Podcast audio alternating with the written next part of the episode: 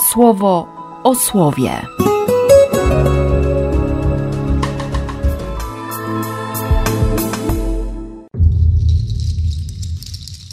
Dwudziesty dziewiąty maja, sobota. Z mądrości Syracha. Wezwałem Pana, Ojca mego Pana, aby mnie nie opuszczał w dniach udręki, w porze pogardy dla mej bezradności. Będę bez przerwy wychwalał Twe imię i hymn będę śpiewał dziękczynne. Prośba moja została wysłuchana. Wybawiłeś mnie od zguby. Wyprowadziłeś ze złej godziny. Dlatego będę Ci dziękował i wielbił Ciebie, będę błogosławił imię Pana. Gdy jeszcze byłem młody, nim jakiś błąd popełniłem, szczerze poprosiłem w modlitwie o mądrość. Przed przybytkiem o nią się dopraszałem i będę jej szukał aż do końca. Jej świetnością, jak kiścią dojrzałych winogron, radowało się serce moje. Noga moja wstąpiła na drogę prawości. Od młodości podążałem jej śladem. Zaledwie nachyliłem mego ucha, już otrzymałem. Znalazłem dla siebie wielką naukę. Dzięki niej pomyślność osiągnąłem, więc oddam chwałę temu, który mi jej udzielił. Postanowiłem bowiem spełniać ją w czynach. Zabiegałem o dobro i nie będę się wstydził. Moja dusza walczyła o nią. Byłem dokładny w przestrzeganiu prawa. Ręce moje wznosiłem ku górze i żałowałem każdego jej zaniedbania. Swą duszę zwróciłem ku niej i przez oczyszczenie się ją znalazłem. Od początku przy niej osiągnąłem zrozumienie, dlatego nie będę opuszczony. Moje serce zapragnęło jej szukać i pozyskałem przez to wspaniały nabytek. Pan dał mi w nagrodę wymowę, więc Jego będę nią chwalił. Z Ewangelii według świętego Marka. Znowu przyszli do Jerozolimy. Kiedy chodził po terenie świątyni, podeszli do niego arcykapłani, uczeni w piśmie i starsi i pytali go: Jaką władzą to czynisz? Albo kto ci dał taką władzę, abyś to czynił? Jezus im rzekł: Zapytam was o jedną rzecz. Jeśli mi odpowiecie, to i ja wam powiem, jaką władzą to czynię. Czy Janowy chrzest był z nieba, czy od ludzi? Odpowiedzcie mi. Rozważali to między sobą, mówiąc: Jeśli powiemy z nieba, zapyta, dlaczego więc nie uwierzyliście mu? A zatem powiedzmy od ludzi. Bali się jednak tłumu, bo wszyscy uważali Jana za prawdziwego proroka. Dlatego odpowiadając Jezusowi, oświadczyli: Nie wiemy. Wtedy Jezus im rzekł: To i ja wam nie powiem, jaką władzą to czynię. Piękny poemat o poszukiwaniu mądrości dzisiaj w tym pierwszym czytaniu, na zakończenie całej księgi. Ale zanim będzie poemat, to wcześniej jest modlitwa uwielbienia. Podziękowanie za konkretny ratunek, który przyszedł od Boga, bo ten, który to pisze, wiedział, że jest w sytuacji bez wyjścia, że był bezradny, że to były całe dnie udręki, pora pogardy, zła godzina, niebezpieczeństwo zguby. Ale w tym wszystkim na szczęście pojawiła się myśl o, o miłosierdziu Boga, o Jego opatrzności. Wspomniałem na Twoje, Panie, miłosierdzie, na Twoją opatrzność od wieków, że ratujesz, gdy ktoś Cię wygląda i ocalasz go z ręki wrogów. Prośba została wysłuchana. Dlatego będę Ci dziękował i wielbił Ciebie, będę błogosławił imię Pana. I dopiero wtedy pojawia się ten poemat o poszukiwaniu mądrości. Przepięknie skonstruowany, każdy kolejny werset, każda kolejna myśl rozpoczyna się od kolejnych liter alfabetu, kunszt słowa, manna z nieba wręcz dla językoznawców. Tyle, że, że pod tą formą przepiękną kryje się o wiele bardziej bogata i istotna treść. Kiedy jeszcze wczoraj wieczorem siedziałem nad tym słowem, przypomniał mi się święty Augustyn słuchający kazań Ambrożego, biskupa Mediolanu.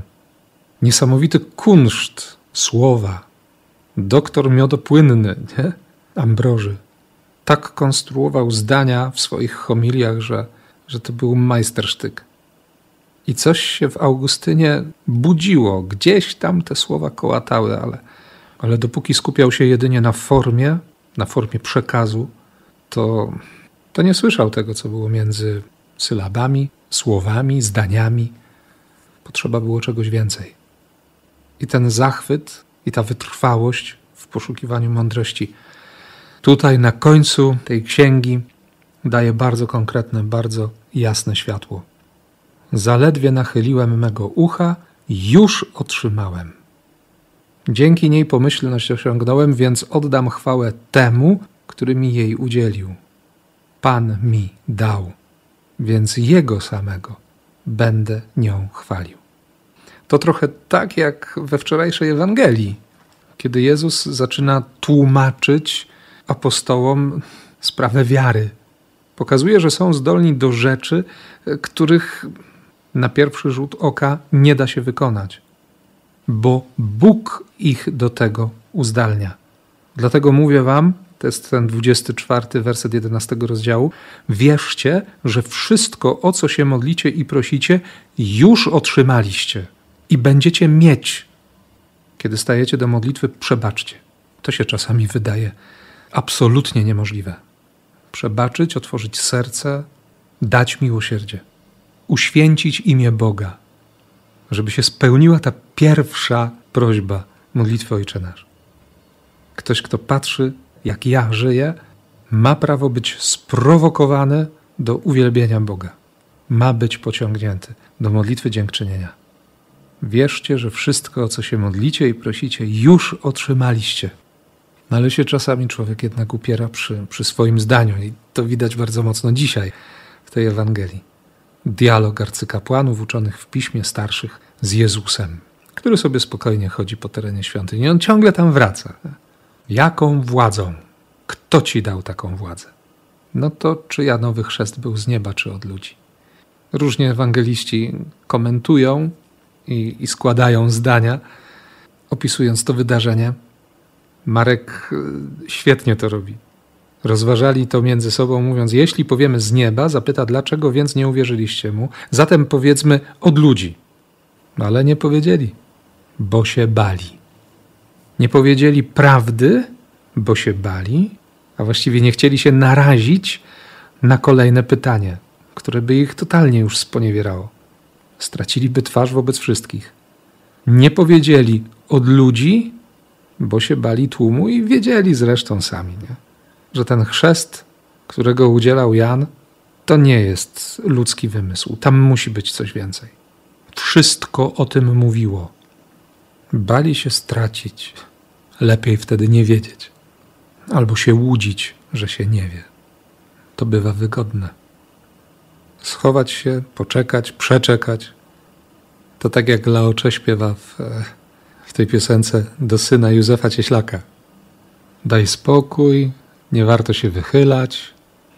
Lepiej będzie na czas jakiś wziąć i zniknąć. Wrócisz na luźno, gdy sprawy w mieście przycichną. I o ile dokładnie tak robią ci, którzy chcą Jezusa zabić, przynajmniej w tym momencie, o tyle właśnie Jezus nie ucieka od odpowiedzi. On dzieli się swoimi tajemnicami z tymi, których stać na szczerość, na otwarcie serca, których stać na stanięcie w prawdzie. Nawet jeśli ta prawda związana jest z niebezpieczeństwem utraty twarzy, a właściwie straty maski. On jest prawdą i naprawdę chce się z nami dzielić tajemnicami swojego serca. No to modlę się dzisiaj o to, abyśmy stracili wszystkie maski.